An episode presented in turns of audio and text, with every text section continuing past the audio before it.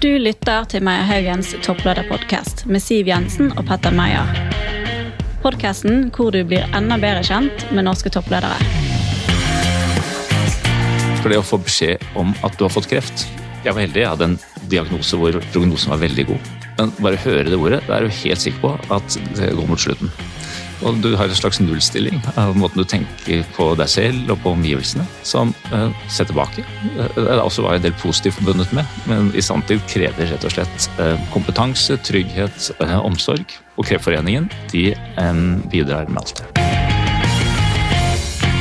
Mitt navn er Petter Meyer, og jeg er managing partner i rekrutteringsselskapet Meyer Haugen. Med meg har jeg min trofaste sidekick Siv Jensen i denne topplederpodkasten. Velkommen til deg. Tusen takk. Men vi har en fantastisk spennende gjest, og det er en del ting vi lurer på, Siv. Hva er det? Du, vi er så heldige i dag å ha Øyvind Eriksen eh, på besøk, topplederen i eh, Aker-systemet. Det er mange som sikkert lurer på masse når det gjelder Øyvind, men ikke minst selskapet, som eh, har stor betydning for norsk økonomi.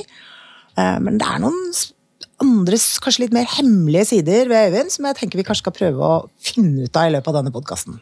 Hvordan går det an å holde seg på toppen i et såpass konkurranseorientert eh, konsern eh, som Aker? Og hvordan er det å være parhest med Kjell Inge Røkke? Det er ting vi lurer på. Det er ting vi lurer på. Men velkommen til deg, da. Tusen takk. Eh, takk for at du har lyst til å være med i denne topplederpodkasten. Det setter vi stor pris på. Og det vi har lyst til å høre litt om, eh, Har du en fun fact om deg selv? Vel, eh, eh, jeg har mange rare sider, men kanskje den mest overraskende for en del er eh, at jeg er morgenfull. Så jeg er i dette nabolaget støtt og stadig for å trene grytidlig om morgenen. Hva er grytidlig? Ja, aldri senere enn seks, i hvert fall. Å, skrekk og gru. Så vi holder koken. Det fine med det er at da har du ingen unnskyldning. Da er det bare deg selv som setter begrensningen. Så... Da er du ute og løper, da, eller? Nei, jeg trener på et, et studio her borte. Å oh, ja, nettopp. Ja, Spennende. Jeg hadde funnet mange unnskyldninger for ikke å trene klokken seks. Nettopp. Jeg også, men ikke klokken seks. ja, men når du da ikke er eh, leder i et av Norges største børslokomotiver, da, eh, hva gjør du da? Hva er, liksom din, er det noen secret passion du har? Ja, jeg, jeg er glad i å trene og holde meg i gang. Jeg, jeg, har også et engasjement for kreftsaken etter at jeg selv var gjennom det for ti år siden. Så jeg bruker en god tid på Kreftforeningen. Og ellers så lever jeg et uh, liv som i veldig stor grad dreier seg om arbeid. Men det er heller ikke noe stort skille mellom jobb og privat for veldig mange av de menneskene som jeg trives og bruker tid sammen med. Det er mennesker som jeg har vært heldig å møte på min yrkesvei. Bra. Men du, vi har en sånn uh, liten føljetong som heter Tre kjappe, Siv. Og mm. det som er saken er at vi stiller spørsmålet nå, og så kan du la det liksom kverne litt uh, i bakhodet til mot slutten. Og dere som uh, lytter, kan også tenke hva vil vi svart hvis vi hadde fått de spørsmålene. Første spørsmål er den vanskelige samtalen. Hva gjør du når en medarbeider som jobber tett opp med deg, ikke fungerer? Hva gjør du da? Det er en situasjon alle ledere kommer i. Nummer to hva ville du sagt til Putin hvis du møtte han nå? Og tre er har du da en, en populærkulturell referanse, en bok, en TV-serie eller en film du gjerne vil anbefale andre å lytte til eller se på? Bra, Siv. Mm -hmm. Er du klar? Jeg er klar. Aker. ASA. Stort og spennende selskap som vi gjerne vil vite litt mer om. Fordi Aker går jo igjen i veldig mange sammenhenger, og kanskje særlig nå i disse dager hvor vi står midt oppi en global energikrise. Eh, og Aker er jo en betydelig leverandør eh, av energi. Eh, kan du ikke si litt om dette her, denne store, komplekse selskapet Aker?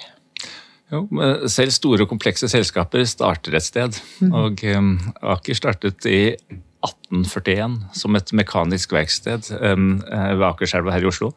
Og det var sønn til grunnleggeren av eh, Kongsberg Gruppen som kom på ideen om å starte Aker som en mekanisk verksted.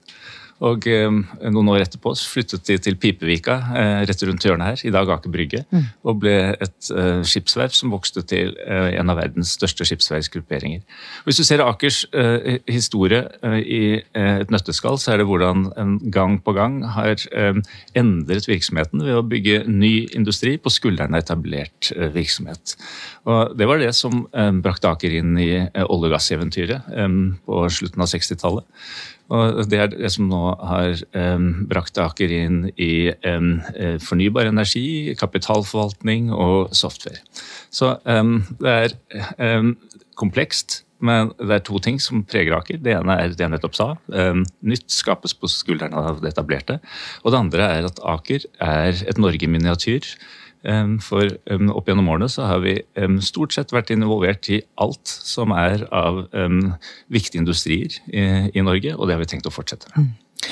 Mange industriarbeidsplasser har eh, Aker skapt? Per i dag så er vi vel noen og 30 000 i 60 land på alle kontinenter. Og i store tallslov halvparten av Aker i Norge, halvparten utenfor Norge. Det betyr at det er ganske mange mennesker i Norge som er helt avhengige av den industrijobben som de går til hos dere hver dag? Det som er fascinerende med å være leder av Aker, er at du møter hver eneste dag eh, folk, ikke bare i Aker, men også utenfor Aker, som eh, relaterer til bedriften. Enten fordi de har jobbet der, eller har familie og venner som har jobbet der, men også fordi de har tilknytning til bedrifter som er avhengig av Aker som eh, kunde eller samarbeidspartner. Mm. Så Aker holder lys i veldig mange lokalsamfunn opp gjennom kysten, for vi driver ikke bare her i hovedstaden. Vi har virksomheter Eh, langs hele vår langstrakte kyst. Mm. Det er jo utrolig mye å ta tak i når det gjelder dette spennende selskapet, men jeg tenker det midt i den krisen som verden nå står i, så kommer vi ikke unna å snakke om energi. Um, og jeg har lyst til å spørre deg litt om uh, Altså, for det er ikke så veldig mange år siden så var jo alle rendyrkede olje- og gasselskaper så tenkte jo alle at de kommer jo til å gå over ende den tiden oljealderen går eh, ut, og hvis ikke de tar andre investeringer.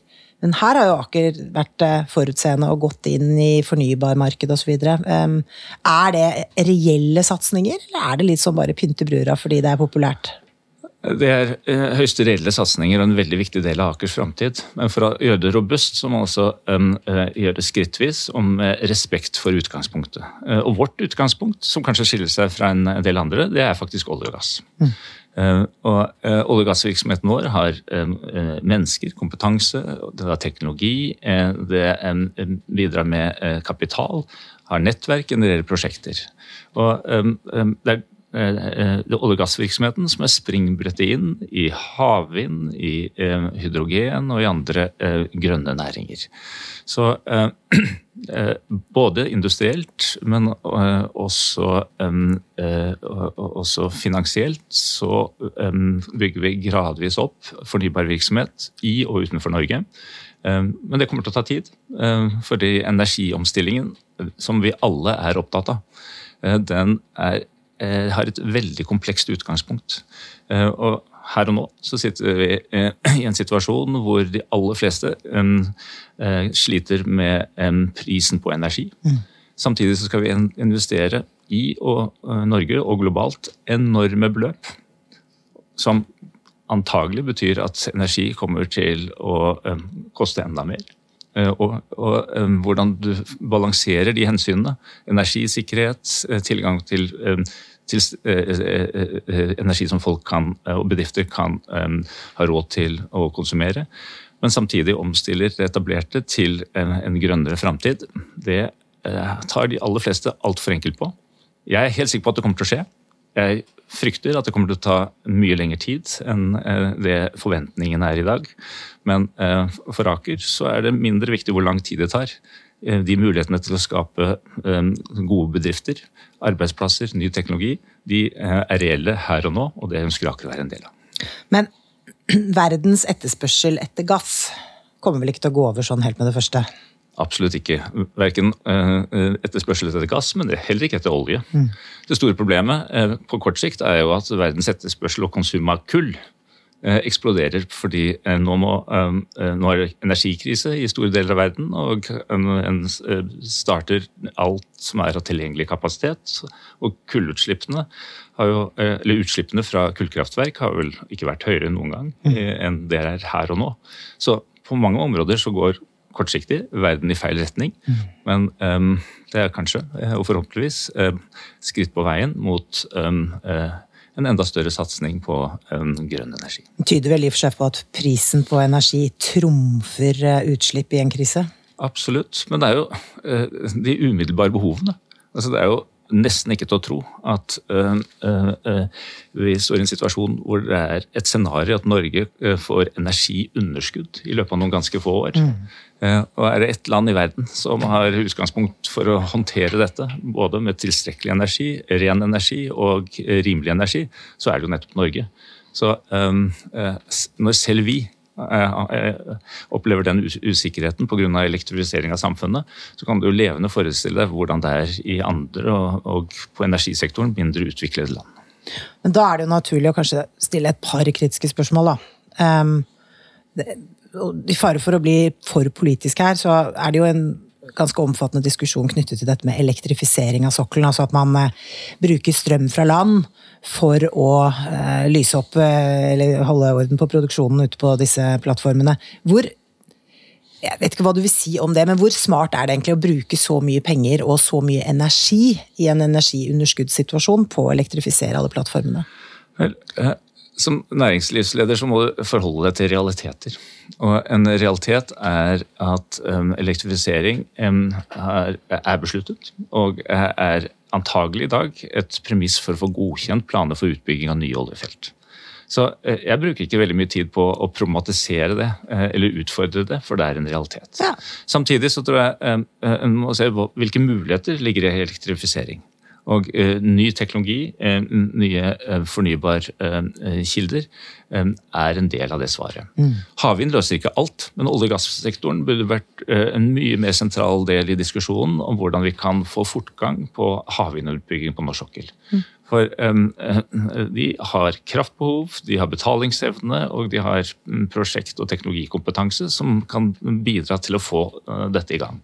Norge oppfattes i en god del sammenhenger som eh, eh, Saudi-Arabia innenfor eh, havvind pga. våre naturgitte utgangspunkter med gode vindressurser.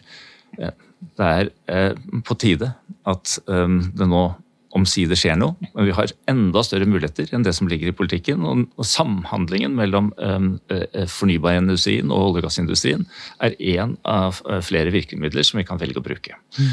Eh, det er en stor diskusjon, men eh, olje- og gasselskapene er klare hvis de får lov til å spille en eh, rolle.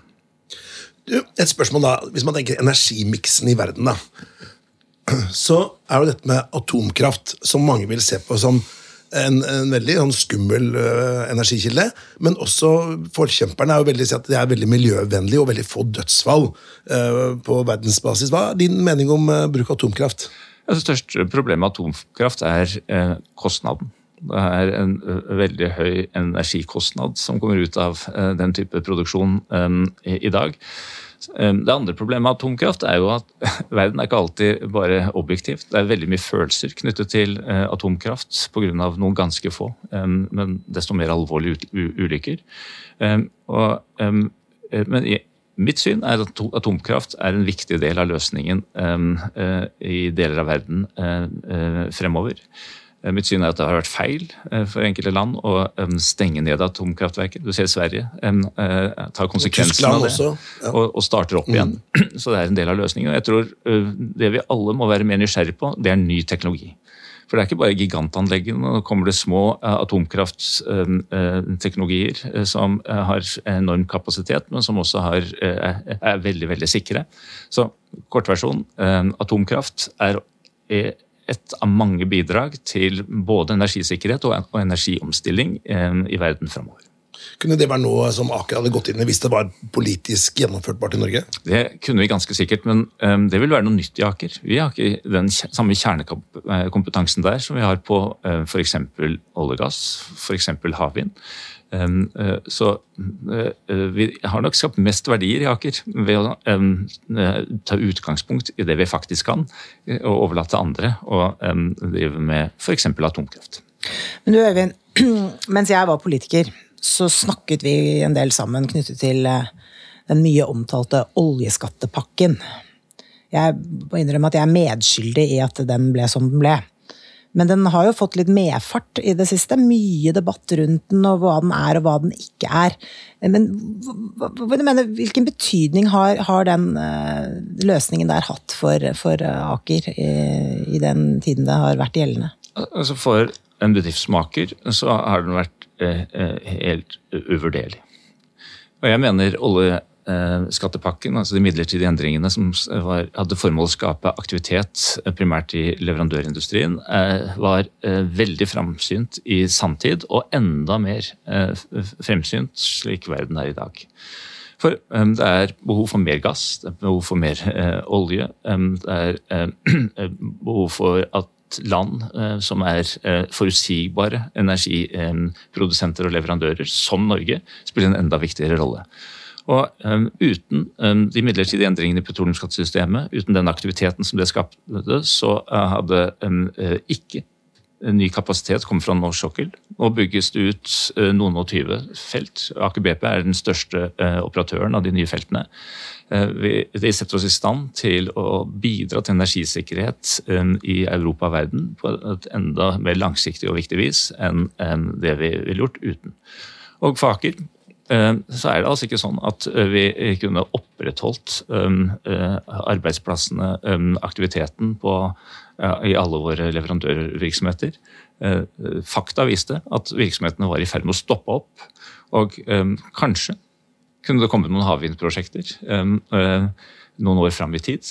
Men selv vi kunne ikke uh, hatt uh, tusenvis av ansatte gående på gress. Så uh, den aktiviteten som det nå er i olje- og gassektoren, setter i stand til å beholde og videreutvikle kapasitet og kompetanse, som vi i løpet av de neste fem til ti årene sårt vil trenge for å realisere mulighetene og ambisjonene innenfor grønne energiområder tenkte vi skulle nå skifte litt tema over til dette med toppledelse. Dette er jo da en topplederpodkast, og du er jo da hva skal jeg si, eh, definisjonen nærmest av en toppleder. Um, det som er Et vanlig spørsmål vi stiller, Siv, er jo dette med kan en toppleder lede hva som helst. Mm. Og, det, det, er, det, spørsmålet har jeg stilt i mange podkaster, men det er jo ingenting som er mer aktuelt enn å stille her, siden du er eh, da CEO og president da, i Aker, for det var jo gamle Aker-skolen med Kenning som i hvert fall tok dette begrepet til Norge. Og han sa at du kan lede hva som helst, bare du er en god nok leder. Hva tenker du om det? Det er jo et litt rart eksempel. For jeg, mm, min vei inn i Aker var jo fra eh, advokatbransjen. Så mange var jo litt forundret over at det gikk an å bruke en advokat til å lede Norges største private industrikonsern. Eh, så jeg hadde jo ikke spisskompetanse på eh, de, innenfor de industriene som eh, Aker driver, men jeg hadde en del andre utgangspunkter og egenskaper som antagelig førte til at jeg fikk muligheten. Etter 14 år i denne jobben så um, tror jeg det er lenkere å svare på um, det spørsmålet enn det var um, da jeg fikk spørsmålet selv. Og uh, til tross for min historie, så tror jeg ingenting på at det er mulig eh, å generelt å definere en lederprofil. Jeg tror det er helt avgjørende at eh, har dybdekunnskap innenfor eh, det området den skal lede. Og Det var altså et utgangspunkt for avklaring mellom Kjell Inge og meg i 2008, da vi begynte å snakke om et samarbeid i de rollene vi har hatt siden. Fordi vi gjorde en fundamental endring i Aker.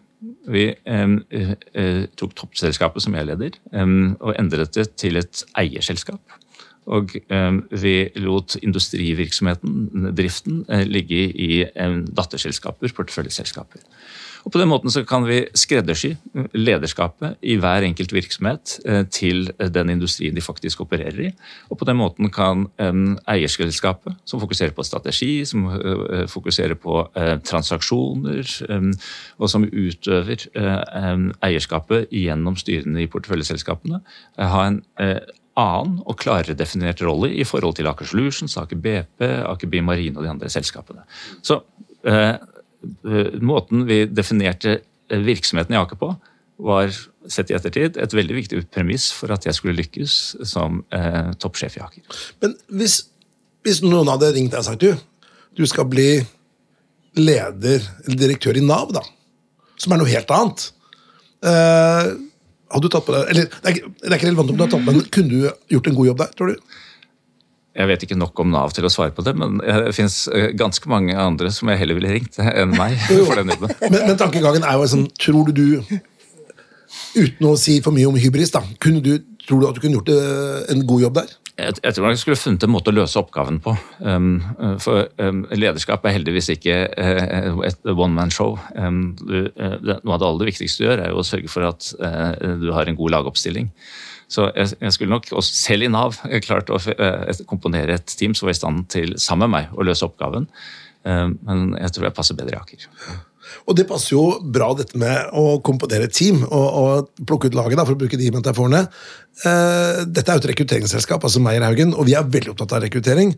Hva er viktig for deg når du skal rekruttere teamet ditt både til Aker generelt, men kanskje spesielt det teamet rundt deg? Som sagt, Aker er eier. Eh, og hvordan utøver eierinnflytelse? Det er et formelt svar på det og et reelt svar på det. Det er det reelle svaret som er viktig.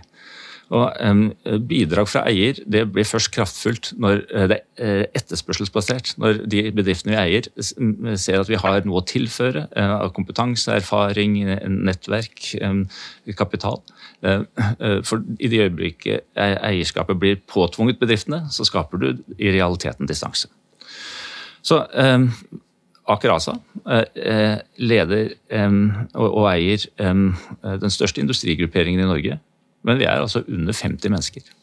Og eh, Min grunnholdning er at de 50 som jobber hos meg, det skal være de aller flinkeste i gruppen.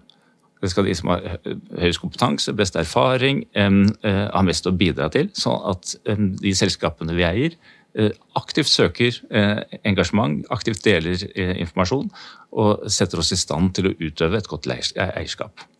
Så, og I lagkomposisjon Eh, grunnholdning, de flinkeste menneskene i toppselskapet. Så er det jo for hver enkelt rolle viktig å finne den, riktige kompetansen, erfaringen, driven, personligheten. Men min bakgrunn som leder av et advokatfirma, BAR, det var altså en bakgrunn fra et partnerskap. Og Sett i ettertid så er det kanskje mitt største fortrinn i Aker. At jeg vokste opp i partnerskap og ikke et industrihierarki. Og I det eh, partnerskapet, som vi også vokste raskt, så um, rekrutterte vi selv um, mennesker. Vi satte ikke ut til en HR-avdeling, ei heller til et rekrutteringsfirma. Dessverre. det kan kanskje skje i dag, men det skjedde ikke den gangen. Er det morsomt, at vi bare er en av kundene våre nå, da? men, men, i min tid så var partnerne selv som rekrutterte. Og den observasjonen som jeg gjorde meg, det var at folk strever med å sette pris på talent over sitt eget nivå. Så Som grunnholdning så satt jeg alltid den smarteste partneren i bar som leder for rekruttering. Og når vi fikk det hjulet til å svinge, så gikk spiralen oppover. Og de gangene hvor vi ikke fikk det til å fungere, så så du at over tid så gikk kvaliteten på våre ansatte feil vei. Så um, hvem du setter til å rekruttere, hvem du setter til å identifisere og evaluere talent, det um, er uh, en veldig viktig del av rekrutteringsarbeidet. Også i Aker i dag. Jeg gikk på, jeg tok et sånt kurs på Harvard for noen år siden, og da eh, lærte jeg de der at A-people recruit A-people, and B-people recruit C-people. Og det er jo nettopp det du sier da. ikke sant? Mange som er mer midt på treet, de vil ikke ha noe som glefser deg i hælene. Men de som er ordentlig flinke, de vet at de er bare glad for flere folk på sitt nivå. Så de er ikke, de er ikke så redd for den kompetansen. da. Uh, når tid skjønte du selv at du skulle bli toppleder? da? Ja, Det skjønte jeg egentlig ikke før Kjell Inge spurte meg i 2008. Da hadde jeg ikke tenkt på det før. Ja. Fordi eh, Da jeg ble partner i Bar, så eh, fikk jeg jo beskjed om at det var et ekteskapsløfte. Eh, altså i hvert fall i utgangspunktet, og det skulle vare livet ut. Så grunnholdningen var at der skulle jeg være gjennom hele mitt yrkesliv, sånn som var, og er vanlig i, i den bransjen. Men um, så fikk jeg spørsmålet, og jeg kjente jo Aker godt, fordi det hadde vært klient før jeg var um, uh, sommerstudent, som de kalte det. Altså Jeg hadde sommerjobb i bar um, midtveis i studiet. Så da, og, da jobbet 20 år som rådgiver til Aker. og jobbet mange år som uh, også rådgiver til uh, Kjell Inge Røkke. Så uh, det, det, men det kom som lyden fra klar himmel da han spurte om jeg kunne bytte beite. Og jeg hadde ingen grunn til å forlate partnerskapet, men jeg hadde også veldig mange grunner til å gi meg selv muligheten i Aker. Og um, Den gangen var jeg vel uh, ja, i midten av 40-åra. Og uh, Sett tilbake så var det som egentlig å starte yrkeslivet på nytt. Uh, og Den energien du fikk, de erfaringene du har fått uh, For meg er jeg sjeleglad for at jeg ga meg selv muligheten. Um, fordi um, Eh, selv i en spennende jobb som advokat for noen av Norges største bedrifter, så blir det litt eh, repetisjon eh, og, rutine. Og det er ikke det som preger hverdagen i Aker. Nå har du jo selv nevnt Kjell Inge Røkke ved flere anledninger her, så da er jo kan ikke la være å spørre om han, som tross alt er hovedeieren i dette systemet det er masse myter rundt Kjell Inge Røkke. Eh, og godt og vondt, men kanskje mest på vondt. Mange onde tunger som mener mye om, eh, om, eh, om Kjell Inge Røkke. Men det tyder jo på at dere to har funnet tonen og har en gjensidig respekt for hverandre. Åpenbart. Ellers hadde vi ikke holdt ut med hverandre i 26 år. Eh, men jeg er ikke sikker på uh, Kjell Inge er jo en som vekker engasjement, men han vekker også beundring pga. det han har skapt, og motivasjon internt i Aker. Så Samspillet mellom han og meg tar jo utgangspunkt i at vi er alt annet enn siamesiske tvillinger. Eh, og um, Kjell Inge har også en veldig um, god forståelse av um, hvor han selv bidrar mest, og hvor han er mer tjent med å støtte seg på andre. Så vårt samarbeid er sikkert annerledes enn det du ser mer, mange steder, men vi fungerer veldig godt. Og han er jo kjent for å være en hissigpropp, og han pleier å skryte av at han aldri, har kranglet med meg. Og det er antagelig fordi han vet med seg selv at eh, en gang blir en gang for mye. Ja, ikke sant. Nå er det jo selvfølgelig da veldig fristende å begynne å spørre deg om eh, eh all den oppmerksomheten det har fått at han har flyttet til eh, Sveits, men det skal jeg ikke gjøre, for det må han svare for selv. Men jeg syns det kunne være interessant å ta et litt bredere tema, nemlig om dette med eierskap i, i norsk næringsliv. Fordi eh, Norge er jo et lite land, og staten eier jo ganske mye av verdiene representert på Oslo Børs. Og så ser vi jo en situasjon hvor kanskje utenlandskapital begynner å frykte det norske markedet mer og mer som følge av eh, kanskje ja, mangelfull forståelse for hva privat eierskap betyr da, for eh, norsk industri og norsk næringsliv, og kanskje særlig i krisetider. Det er et eh, viktig spørsmål. Kanskje det aller viktigste spørsmålet for Næringslivs-Norge her og nå. Og eh, det dreier seg om eierskap, det dreier seg om eh, hovedkontor, det dreier seg om hvem som skal bygge eh, industri, næringsliv, arbeidsplasser, innovasjon, teknologiutvikling i kommende generasjoner. Og det er spørsmål som stilles på et tidspunkt hvor de aller fleste, forstår at um, eh, vår avhengighet av olje og gass um, det varer ikke evig. Og følgelig at vi må uh, utvikle en industri- og næringslivsvirksomhet i Norge i nye um, og mer, enda mer langsiktige og fremsynte retninger. Kjell Inges eh, utflytting til Sveits endrer ikke Aker. Eh, Aker kommer til å fortsette å bygge industri med utgangspunkt i Norge. Hans rolle i Aker er uendret. Om man ringer fra Kongelungen eller fra Lugano, spiller ingen rolle for meg. Men over tid så er realitetene sånn at eiere Eh, de får impulser, og de investerer eh, de, med utgangspunkt i de impulsene de får, der de er. Mm. Jeg lærte for mange år siden av eh, Thomas Thies Evensen, som en kuriositet, at um, Romerriket um, flyttet på et tidspunkt sitt hovedsete fra um, Roma til Konstantinopel. Mm. Uh, uh, før den beslutningen så var det ca. en million mennesker hvis jeg husker riktig, i Roma. I løpet av noen ganske få år så falt eh, befolkningen til 20 000. For, fordi eh, eh, det som skapte aktivitet, det som eh, var grunnen til at den var holdt til i Roma, det forsvant. Og det er ikke så ulikt det som skjer når du flytter et, eh, en, en, en eier eller et hovedkontor fra et sted til annet. Og eh, altfor ofte så blir diskusjonen rundt personer som um, har skapt noe i Norge, et spørsmål om formuesskatt. Det er bare ett av mange elementer i, i helheten. Og Jeg håper inderlig at eh, disse utflyttingene, som går langt utover en enkeltperson, at det eh, er en øyeåpner og skaper en, en diskusjon om hvem er det som skal skape uh, nye industrier i Norge? Hvem er det som skal investere i Norge? Hvem er det som har visjonene og, og ideene om uh, hvordan vi kan uh, finne nye industrier som overtar den rollen som olje- og gassindustrien har spilt de siste 50 årene?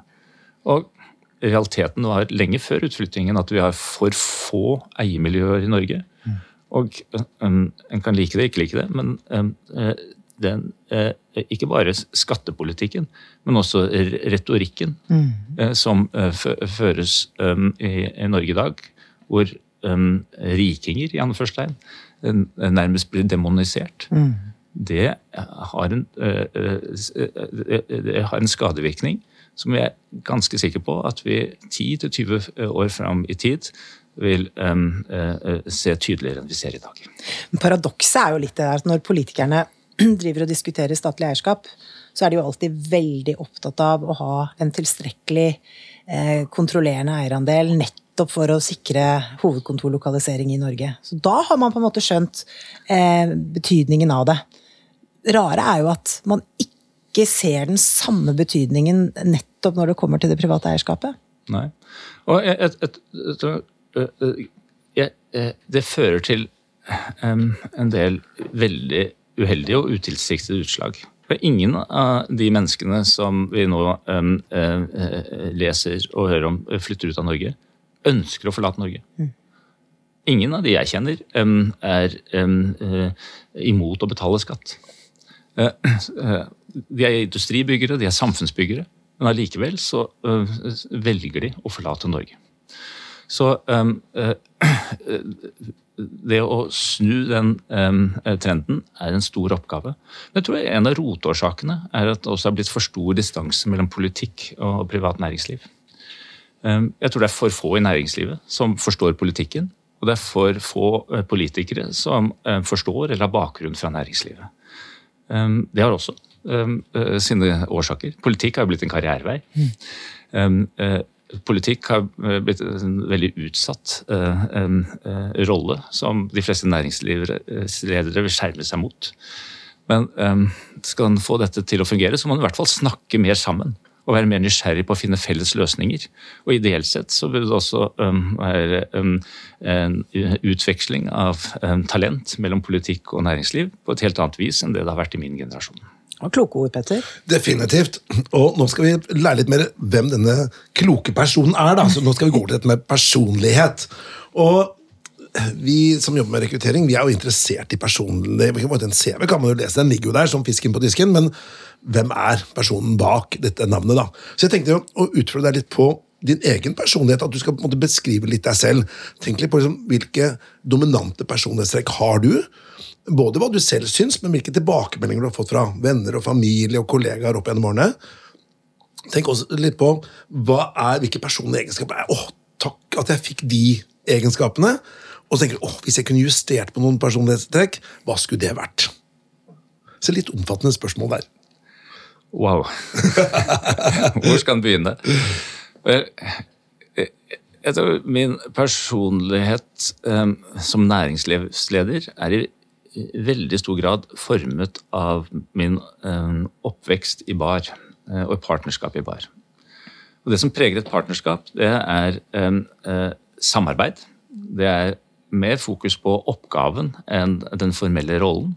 Det er at du eh, fungerer eh, på et lag hvor en utfyller og hjelper hverandre. Så jeg tror um, i grunnholdning så um, er jeg en leder som um, uh, setter pris på flate strukturer som fokuserer på oppgaven mer enn de formelle rapporteringslinjene. Og som er bevisst at jeg er eksempelets makt. Så um, Kvaliteten og innsatsen i det jeg selv gjør, det setter standarden for resten av uh, organisasjonen på en veldig merkbar måte. Så jeg syns det er um, kjempegøy å selv gå inn og forhandle en transaksjon, selv gå inn og um, løse en problemstilling. Og prøver så godt jeg kan å gjøre det i samarbeid med de som kan bidra på laget. Så du er ganske hands on-type? Eh, Absolutt. Men også eh, bevisst uh, hvor jeg kan bidra, og hvor jeg uh, i større grad kan støtte andre som har mer peiling på oppgavene enn meg. Eksempelvis, vi bygger opp kapitalforvaltning i Aker nå. Jeg, jeg og andre bør være glad for at det er Yngve Slyngstad og ikke ja. Øyvind Eriksen som gjør det, men sammen så er vi et ganske godt team. Ja, det vil jeg tro. Der har du jo hentet en med ganske mye erfaring i å skape store verdier, da. Ja, Han har jo rapportert til deg, så han, han må jo være en bra fyr. Ja. Ja. Men jeg tenkte jeg skulle gå litt videre med, med personlighet. da. Er det noen personlighetstrekk du tenker åh, jeg skulle gjerne hatt litt mer av det, eller litt mindre av det? Et personlighetstrekk er jo at jeg er veldig utålmodig. Ja.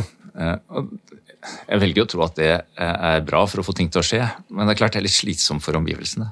Ja. Så, um, uh, Hvordan kan det arte seg?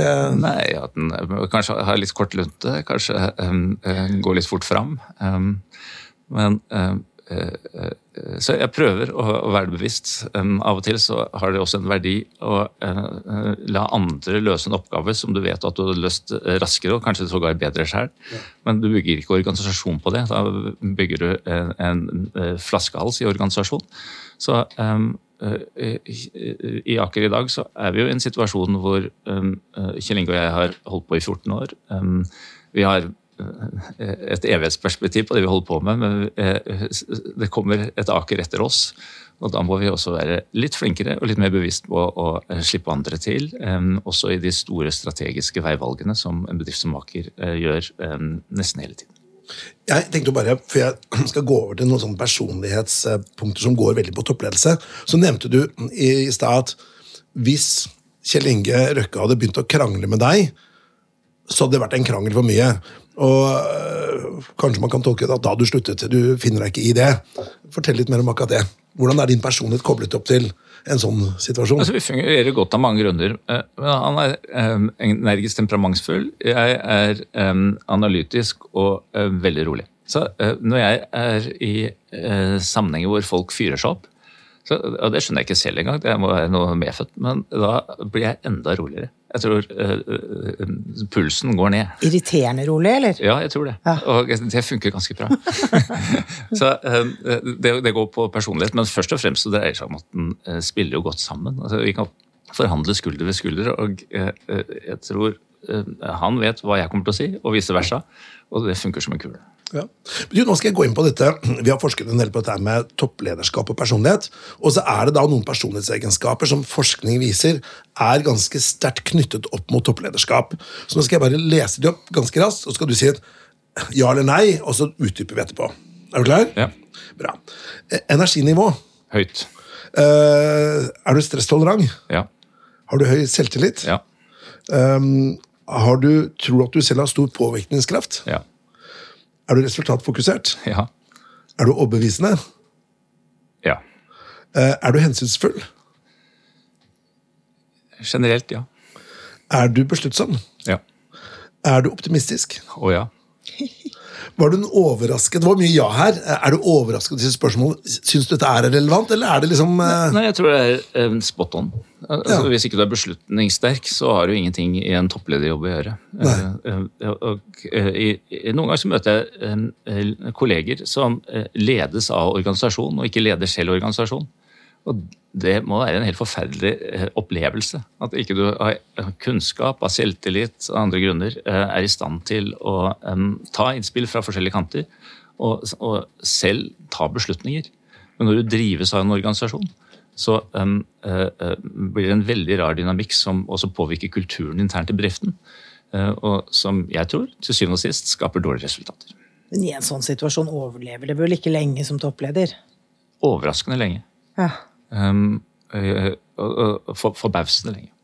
For det blir sånn forretningsministerium, da. ikke sant? At man da eh, Man kan jo ha noen områder som ikke er så eh, altså, Man kan være toppleder i ting som ikke er så konkurranseorientert, kanskje. da, At man kan overleve lenger i en liten liten andedam. da. Men- Politikken går det jo kanskje ikke. Jeg tror jeg skal være litt forsiktig med å, å gi eksempler, men jeg tror eierskap er viktig. Eh, også for hva slags øhm, lederprofil som sitter på toppen av øh, store bedrifter i Norge og utlandet. Dette kunne vi pratet mye om, men, oh, ja. men eh, jeg, vi, dette er jo som rosinen i pølsa i podkasten. Det er Siv søker svar. Ja. Nå har jo jeg bora i mye av det jeg egentlig lurte på da, gjennom, eh, gjennom denne snart eh, timen som har gått, men jeg har lyst til å si, eller spørre deg litt om noe du sa helt innledningsvis.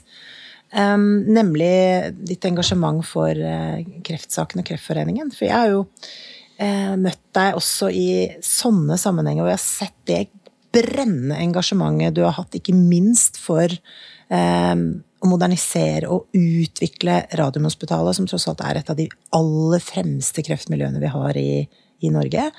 Um, kan du si litt mer om hvorfor det engasjementet ditt er så sterkt? Det startet jo med at jeg eh, hadde kreft selv for ti år siden. eh, Og var heldig å få oppleve kompetansemiljøet på Radiumhospitalet. Den gangen tenkte jeg ikke så mye på at eh, det bygget var i ferd med å ramle ned i hodet på både ansatte og pasienter. eh, Fordi eh, det var andre ting som eh, opptok meg. Men jeg fikk et eh, innblikk i eh, norsk helsevesen og erfaring med norsk helsevesen som eh, var helt enestående. Et helsevesen som fortjener å bli fremsnakket på et helt annet vis enn det vi ofte ser i media og andre steder. Så jeg er rett og slett veldig takknemlig for den em, eh, ikke bare behandlingen, men også omsorgen jeg opplevde på Radiumhospitalet for ti år siden. Og så var det, det, det som konkret skjedde, var at Jan Vincent Johansen et år senere kom til meg og sier Øyvind, nå er styret i Oslo universitetssykehus i ferd med å ta en beslutningen om å legge ned Radiumhospitalet og spre den unike kompetansen på et antall um, sykehus i um, Oslo universitetssykehus eh, eh, region. Og jeg har jo ledet kompetansebedrifter i hele mitt liv. Eh, For Aker er også, i bunn og grunn, en gigantisk kompetansebedrift. Og erfart hvor viktig det er å ha et kompetansesenter. Eh, Ikke bare for det miljøet som sådan, men også for eh, å inspirere og hjelpe andre deler av, i dette tilfellet, helsevesenet. Så Det var ikke vanskelig å overbevise meg om at en nedlegging av Radiumhospitalet var feil. Eh, eh, Og eh, det var da starten på. Altså, Jan ba om hjelp. Jeg begynte på egen hånd og jobbe for et nytt klinikkbygg. Etter hvert kom Arte Buchardt, Sylvia Brustad, som jobbet hos meg den gangen, og andre, og mobiliserte. Og så fikk vi en fantastisk dialog med, med mange. Etter hvert en god dialog med styret i Oslo universitetssykehus. Etter hvert, eh, ikke minst, med regjeringen og Bent Høie og, og deg selv. Og så fikk vi det til, da. Så vi fikk snudd det som var i ferd med å bli en nedleggingsbeslutning, til jeg tror det var 5,5 over milliard over statsbudsjettet. Og nå ser vi nytt klinikkbygg reiser seg. Og til glede for norsk helsevesen og ikke minst kreftpasienter i mange tiår eh, fremover. Så underveis i den prosessen så tror jeg det var Bent Høie som sa til meg at mm, skal du få til dette, Øyvind, så er du nødt til å få med deg Kreftforeningen. Så um, eh, jeg tok jo eh, budskapet og gikk til Kreftforeningen. Og eh, etter hvert så så de også eh, verdien av å hjelpe oss. Og um, dermed så var kontakt etablert, og de spurte om jeg kunne bli nestleder i Kreftforeningen. Og for det første er Kreftforeningen en enestående eh, eh, organisasjon um, med hovedfokus på eh, kreftforskning. Jeg tror vi eh, bruker 350 millioner kroner på kreftforskning i Norge i, i, år. Eh, men for det andre eh, så er Kreftforeningen eh, eh, tror en rollemodell i en frivillig sektor i Norge. Så det eh, å bruke noe av min ledige tid, men kanskje enda mer av min erfaring og mitt nettverk på en så viktig sak, det eh, opplever jeg eh, selvfølgelig er meningsfullt for meg selv, Men eh, selv internt i en bedrift som Aker, så tror jeg mange setter pris på å ha en sjef som eh, engasjerer seg i en sak som i bunn og grunn hver eneste nordmann um, på et eller annet tidspunkt, enten selv eller gjennom nærstående, vil oppleve som selvfølgelig et helseproblem, men også som et veldig uh, spesielt emosjonelt problem eller situasjon. For det å få beskjed om at du har fått kreft, jeg var heldig, jeg hadde en diagnose hvor øh, øh, prognosen var veldig god. Men bare høre det ordet, da er du helt sikker på at det, det går mot slutten. Og du har en slags nullstilling av måten du tenker på deg selv og på omgivelsene, som uh, ser tilbake. Det er også var en del positivt forbundet med, men i sanntid krever rett og slett uh, kompetanse, trygghet, uh, omsorg. Og Kreftforeningen de bidrar med alt det. Ganske rørende. Det er en sterk historie. Ja. Og så er det jo sånn at jeg tror alle som har nærkontakt med en kreftdiagnose, er takknemlige for den hjelpen de får av norsk helsevesen. Men det er jo ikke alle da, som legger inn eh, den innsatsen for dagen som du har gjort, i kjølvannet av dine egne erfaringer. Du er jo skal man si, Du jobber nok et visst antall timer i jobben din, og så finner du allikevel tid til å gjøre dette. Det står det litt stor respekt av, syns jeg. Ikke litt, det står veldig stor respekt av. Men når du møter en så kompetent organisasjon som Kreftforeningen, det er litt som i Aker, det er lett å mobilisere når du får muligheten til å samarbeide med flinke mennesker. Mm. Du, dette kunne vi også pratet om uh, mer, men jeg tenkte vi skulle gå litt inn på landing. og Da er det disse det vi kaller tre kjappe. Mm. Uh, og Da er det de tre spørsmålene vi stilte innledningsvis, uh, som jeg har lyst til å bare høre om du har reflektert litt rundt underveis. Og Det første er jo da den vanskelige samtalen. og Det er kanskje ikke et kjapt svar på det, men hva gjør du når en, uansett hvor flinke de er, de som jobber rundt deg, ikke lykkes? Hva gjør du for å ta tak i det? Så nå har du ikke gitt meg så mye tid til å reflektere underveis her. Så, så, så her får jeg ta det på hælen. Ja. um, du har kanskje vært borti situasjonen? Jeg har litt trening. Den vanskelige samtalen da, eh, tar også utgangspunkt i tillit. Og uh, selv om det er et vanskelig tema, så er det mulig å håndtere det på et vis å ha tillit i bunn. At, uh, og, og min måte å håndtere det på er for det første å være veldig godt forberedt. For andre eh, holde seg til fakta og prøve å skille veldig tydelig mellom fakta og følelser i en vanskelig situasjon. Og for det tredje å være tydelig og forklarende, men ikke gå rundt grøten. Og min erfaring er at selv de vanskeligste samtalene, som ofte dreier seg om en medarbeider som må flyttes på, eller i verste fall forlate arbeidsplassen, en sjelden gang eh, fordi en har gjort dumme ting. Eh, du klarer å skape en eh, forståelse for min beslutning ved å håndtere det på den måten jeg sa, selv om den som får budskapet, selvfølgelig syns det er veldig tungt. Ja. Siv, du har også kanskje vært borti noen litt bølger i arbeidsplassen. I hvert fall, Hva er ditt beste tips? Nei, jeg er veldig enig med Øyvind. Ja. Eh, det handler om å være godt forberedt, men også forstå og ha respekt for det mennesket som sitter på andre siden. Eh, det er som regel alltid en grunn til at en situasjon oppstår. Den kan være lite gjennomtenkt, eh, det kan være irrasjonelt, det kan være ja, det kan være mange grunner til at det skjer, men man må alltid kjenne på en grunnleggende respekt for det mennesket som man skal ta den vanskelige samtalen med. Gode tips, absolutt. Um, hvis du hadde møtt uh, Putin nå, da. Uh, hva hadde du sagt til ham? Da hadde jeg minnet ham om at han er president i verdens største land i utstrekning. Og det som før denne forferdelige krigen um, var verdens største um, eksportør av energi. Kull, olje og gass. Um, og det å isolere Russland fra verdensorden, det å bidra til ytterligere fragmentering av verden, det er selvfølgelig en, en utfordring for oss alle. Men den aller største taperen er jo det folk han leder. Så få uh, Russland tilbake som en aktør i den globale verdensorden. Og se verdien av dialog og gjenopprettelse av normale handelsforbindelser. Det hadde jeg prøvd å formidle til han. Jeg har et fun fact med Putin. Ja, jeg har jo hatt gleden av å møte han noen ganger. Eh, senest i november i fjor. i et digitalt møte. Hvor jeg da ble bedt om å stille han et spørsmål. Og så spurte jeg Putin For vi har gode erfaringer med russiske ingeniører, matematikere, programmerere. Og det, det som er litt pussig, det er at den verdensledende kompetansen har ikke ført til at Russland har klart å bygge ledende teknologibedrifter. Hvorfor, og, og hva har du tenkt å gjøre med det?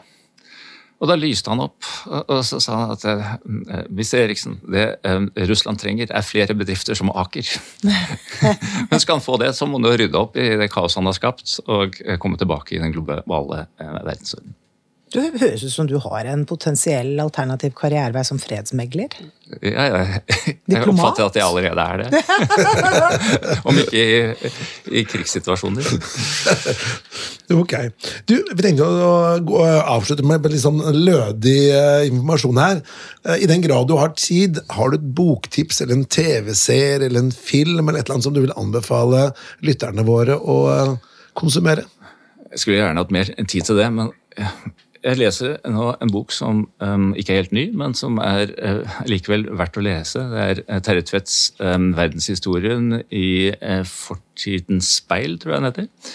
Og det, er, det fantastiske med den boken er at den, tar, den forklarer hvordan klimaendringer har endret bosetning og aktivitet, skiftet tyngdepunkter i verden.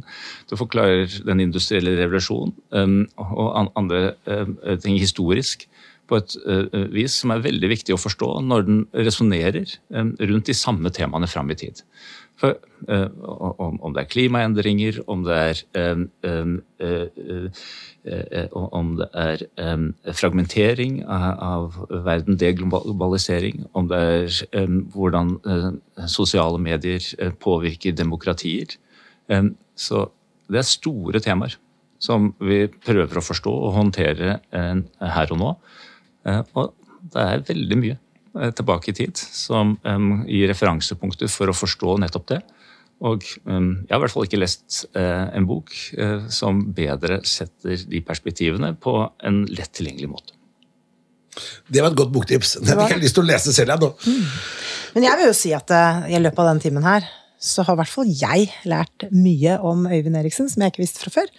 Så jeg vil jo tippe at uh, lytterne våre også kommer til å sette pris på å høre denne podkasten. Definitivt. Nå har vi fått svar på det vi lurte på, Siv. Mm -hmm. ja, jeg kunne, vi kunne holdt på en time til.